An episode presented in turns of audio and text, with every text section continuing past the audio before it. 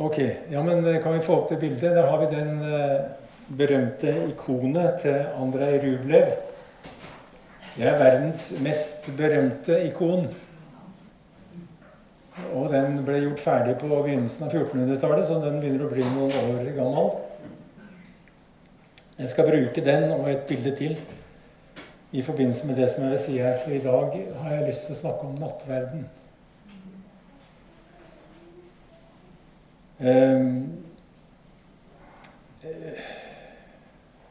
Og da tar jeg utgangspunkt i et uh, merkelig og gåtefull fortelling fra første Mosebok til 18. kapittel.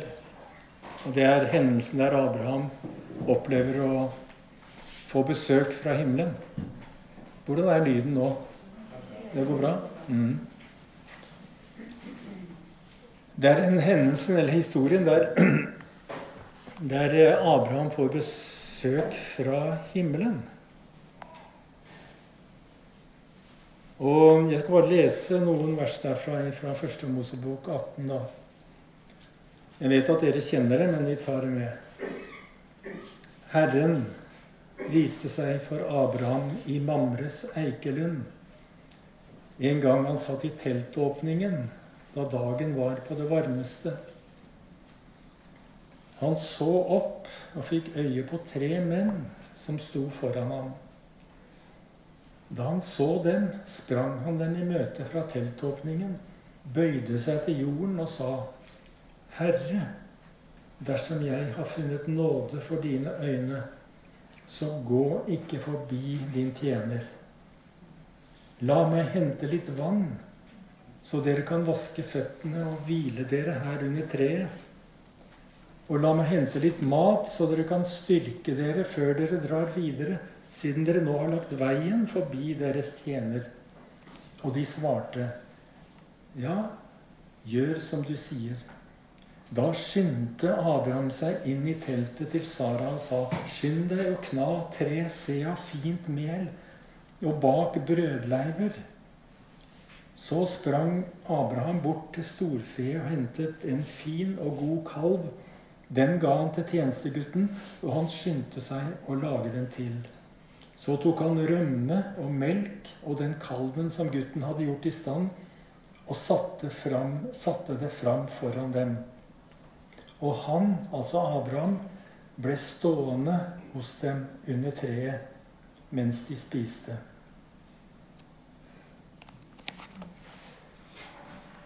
Det er den uh, gåtefulle fortellingen her om de tre menn, tre engler, tre himmelske skikkelser som besøker Abraham. Og gjennom Kirkens historie så har denne hendelsen, eller tildragelsen, blitt tolka som at Abraham fikk besøk av den treenige Gud. Og Det er også det Andrej Rublev har forsøkt å framstille i sitt ikon. Eh, han har tolket treenigheten på den måten som dere ser på bildet der. Og det er Faderen og Sønnen og Den hellige ånd som er samlet rundt et bord. Og midt på bordet står nattverdskalken. Eller den kalken som blodet fra den kalven som Abraham hadde slakta, ligger i. Og så står det at Abraham bøyde seg til jorden for dem, og at han inviterte dem på mat og på hvile, og de tok imot. Og så skal dere legge merke til at det står at mens de spiste, mens de satt rundt bordet, for å bruke det uttrykket, så står det at Abraham ble stående og se på. Abraham ble stående og se på. For den fortellingen som vi er inne på nå, den befinner seg veldig tidlig i gudsåpenbaringens historie. Og vi er tidlig i historien om Guds åpenbaring i verden. Og en plass ved Guds bord var ennå helt utenkelig. Men Rublev, som selvsagt kjente evangeliet, han har laget en åpen plass ved bordet. På Rublevs ikon så er det plass til en fjerde gjest. En fjerde deltaker. Og det er som om han vil si, med tanke på den historien om Abraham Det kommer en dag. Det kommer en dag da mennesker vil sitte til bords med Herren. Og i dag er denne dagen.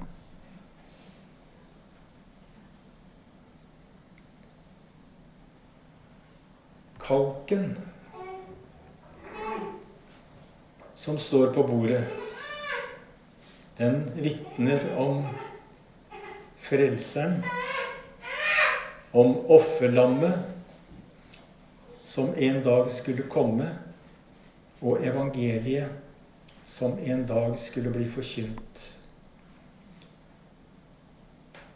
Og det som skjedde når Frelseren kom, når Jesus kom, det snudde menneskenes relasjon til, Jesus på, til Gud på hodet.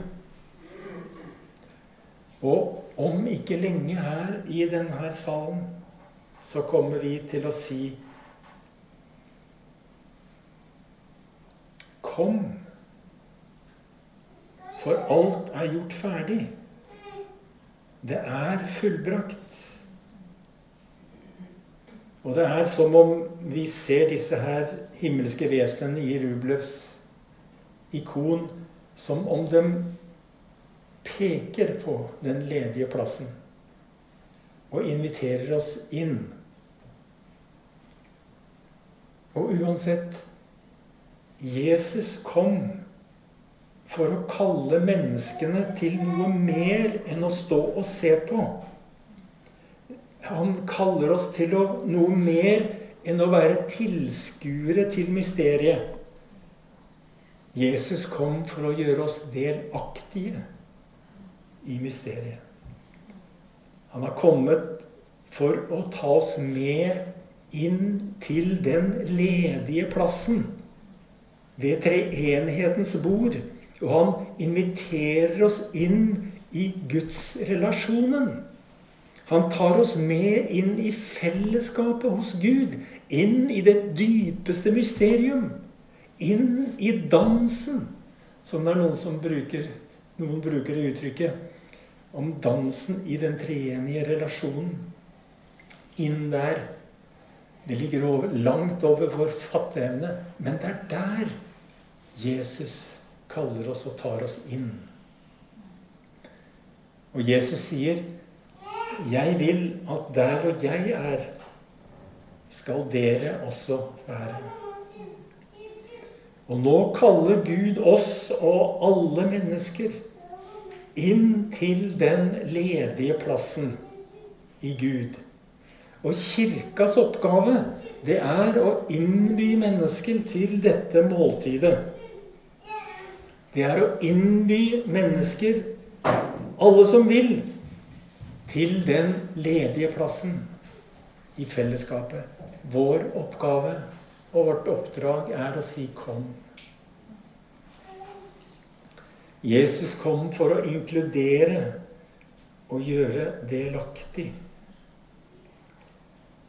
Og Så skal jeg vise dere et bilde til som er enda mer kjent enn det er.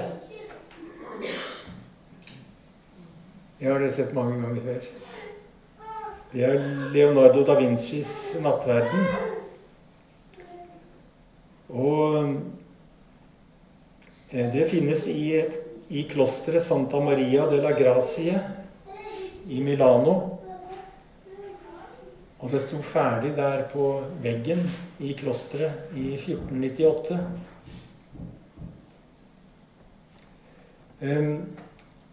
Det som er interessant, er at det her bildet det er plassert i, i klosterets spisesal. Der hvor munkene hadde sine måltider. Og hensikten med å plassere dette bildet der, det var for at munkene skulle få inntrykk av å leve seg inn i at de spiste sammen med Jesus og disiplene. Og det er noe av, det, noe av den hemmeligheten som ligger i ethvert nattverdsmåltid som vi inntar også her i arken. Det fører oss inn i den åndelige verden. Inn i ånden sin, sånn at vi sitter ved det bordet der Jesus delte nattverden med sine disipler. Og Det er derfor dette bildet henger på veggen i, klosteret, for å minne om dette. Og i dag vil vi også minne om dette her, i vårt enkle lokale. Vi er skapt, og vi er kalt til å sitte ved dette bordet sammen med Jesus og disiplene. Og det er en uh, finsk teolog som jeg har lest, som skriver veldig vakkert om det her. Veldig fint. Og han skriver bl.a. at Gud forholder seg til evigheten som et evig nå. Og dette her er selvfølgelig over vår forstand. Vi klarer ikke å gripe det. Jeg kan huske Øyvind for noen år siden hadde en preken om tiden. Og han var inne på dette her. For Gud er ikke tiden lineær, sånn som vi opplever det. ikke sant? Time etter time. For Gud er all tid nå. Og i nattverden så øver vi oss i å se vårt liv i tiden i perspektiv av Guds måte å se tiden på. Og det vi minnes i nattverden, det er ikke bare en historisk hendelse, noe vi liksom skal huske. Men vi minnes nattverden på samme måten som munkene i klosteret gjorde. Vi minnes nattverden som en hendelse som vi tar del i om og om igjen. Vi bøyer tiden i nattverden. Og vi sitter ved bordet sammen med Jesus og disiplene. Og når vi tar imot brød og vin, så er det noe mer enn en symbolsk handling. Når vi eter brød og drikker vin, eller tar imot brød og vin i den form som vi deler ut Da blir vi transportert tilbake til Golgata. Vi deltar i noe som er mer enn en symbolsk handling. Vi blir delaktige i Jesu død og oppstandelse. Og den her, eh, den her bøying av tiden, den eh, kommer til syne i kirkekunsten, særlig i middelalderen. Og jeg vet ikke om noen av dere har lagt merke til det, men hvis dere har vært i middelalderkirker, så er det ikke uvanlig at du ser kanskje et stort freskomaleri eller en mosaikk som viser f.eks. Jesus på korset i midten. Og så er det ved siden av Jesus samtidig avbilda forskjellige helgener eller apostler eller andre paver eller eh, martyrer ofte. Altså sam, samtidig som Jesus er martyren som døde 300 år etter Jesus, avbilda sammen med Jesus. Fordi man var vant til å tenke at i Guds nu så er alt samtidig.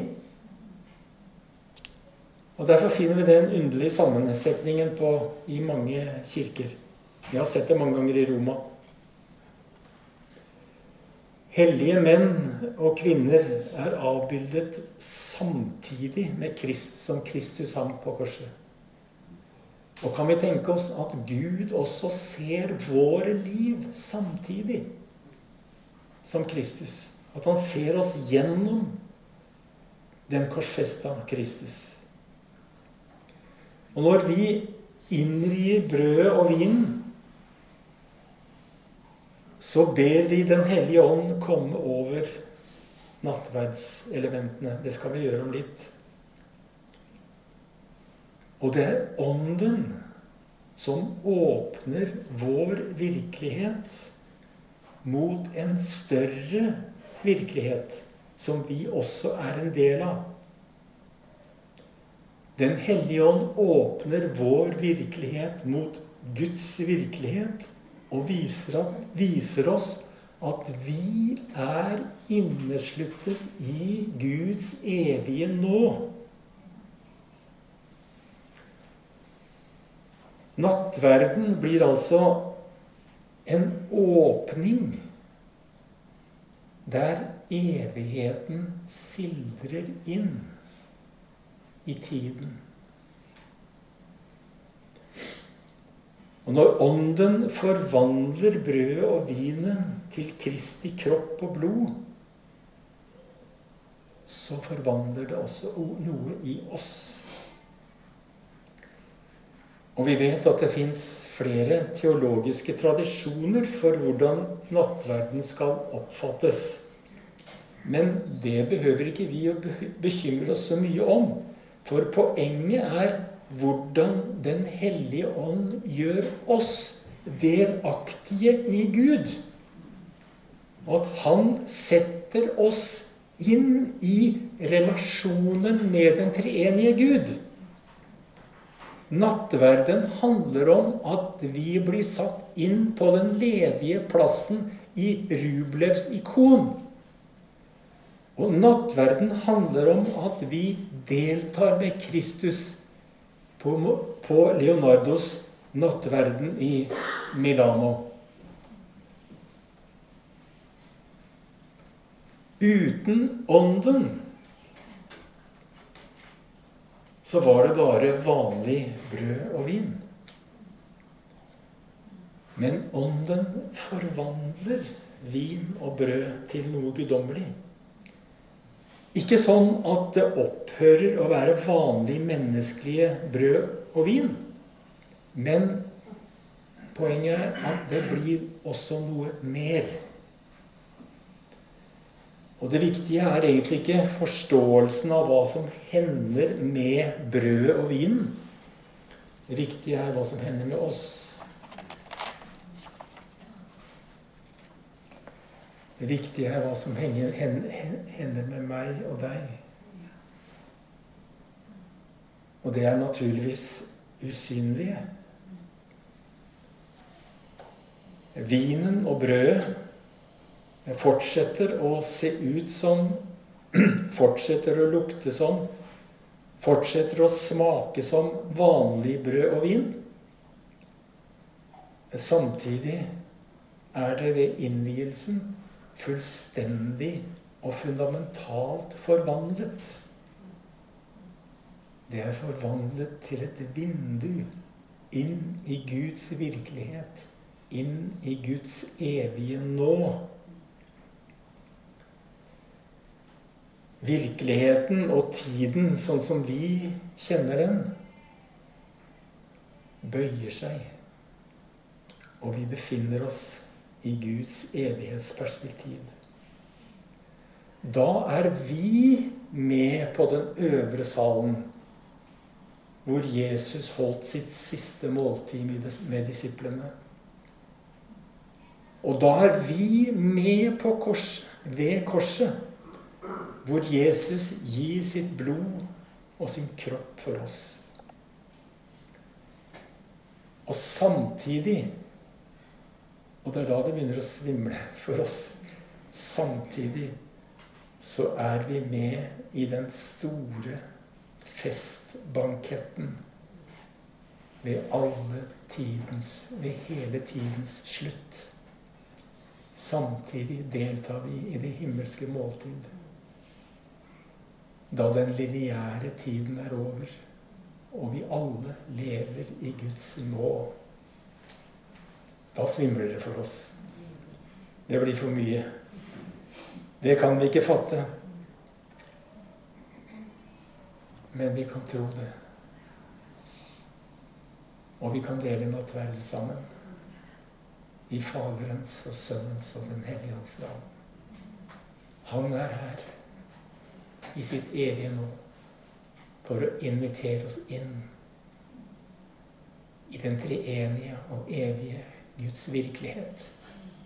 Det er hva det dreier seg om. Og det er ikke så viktig om vi forstår det med tanken. La oss bare ta imot og si takk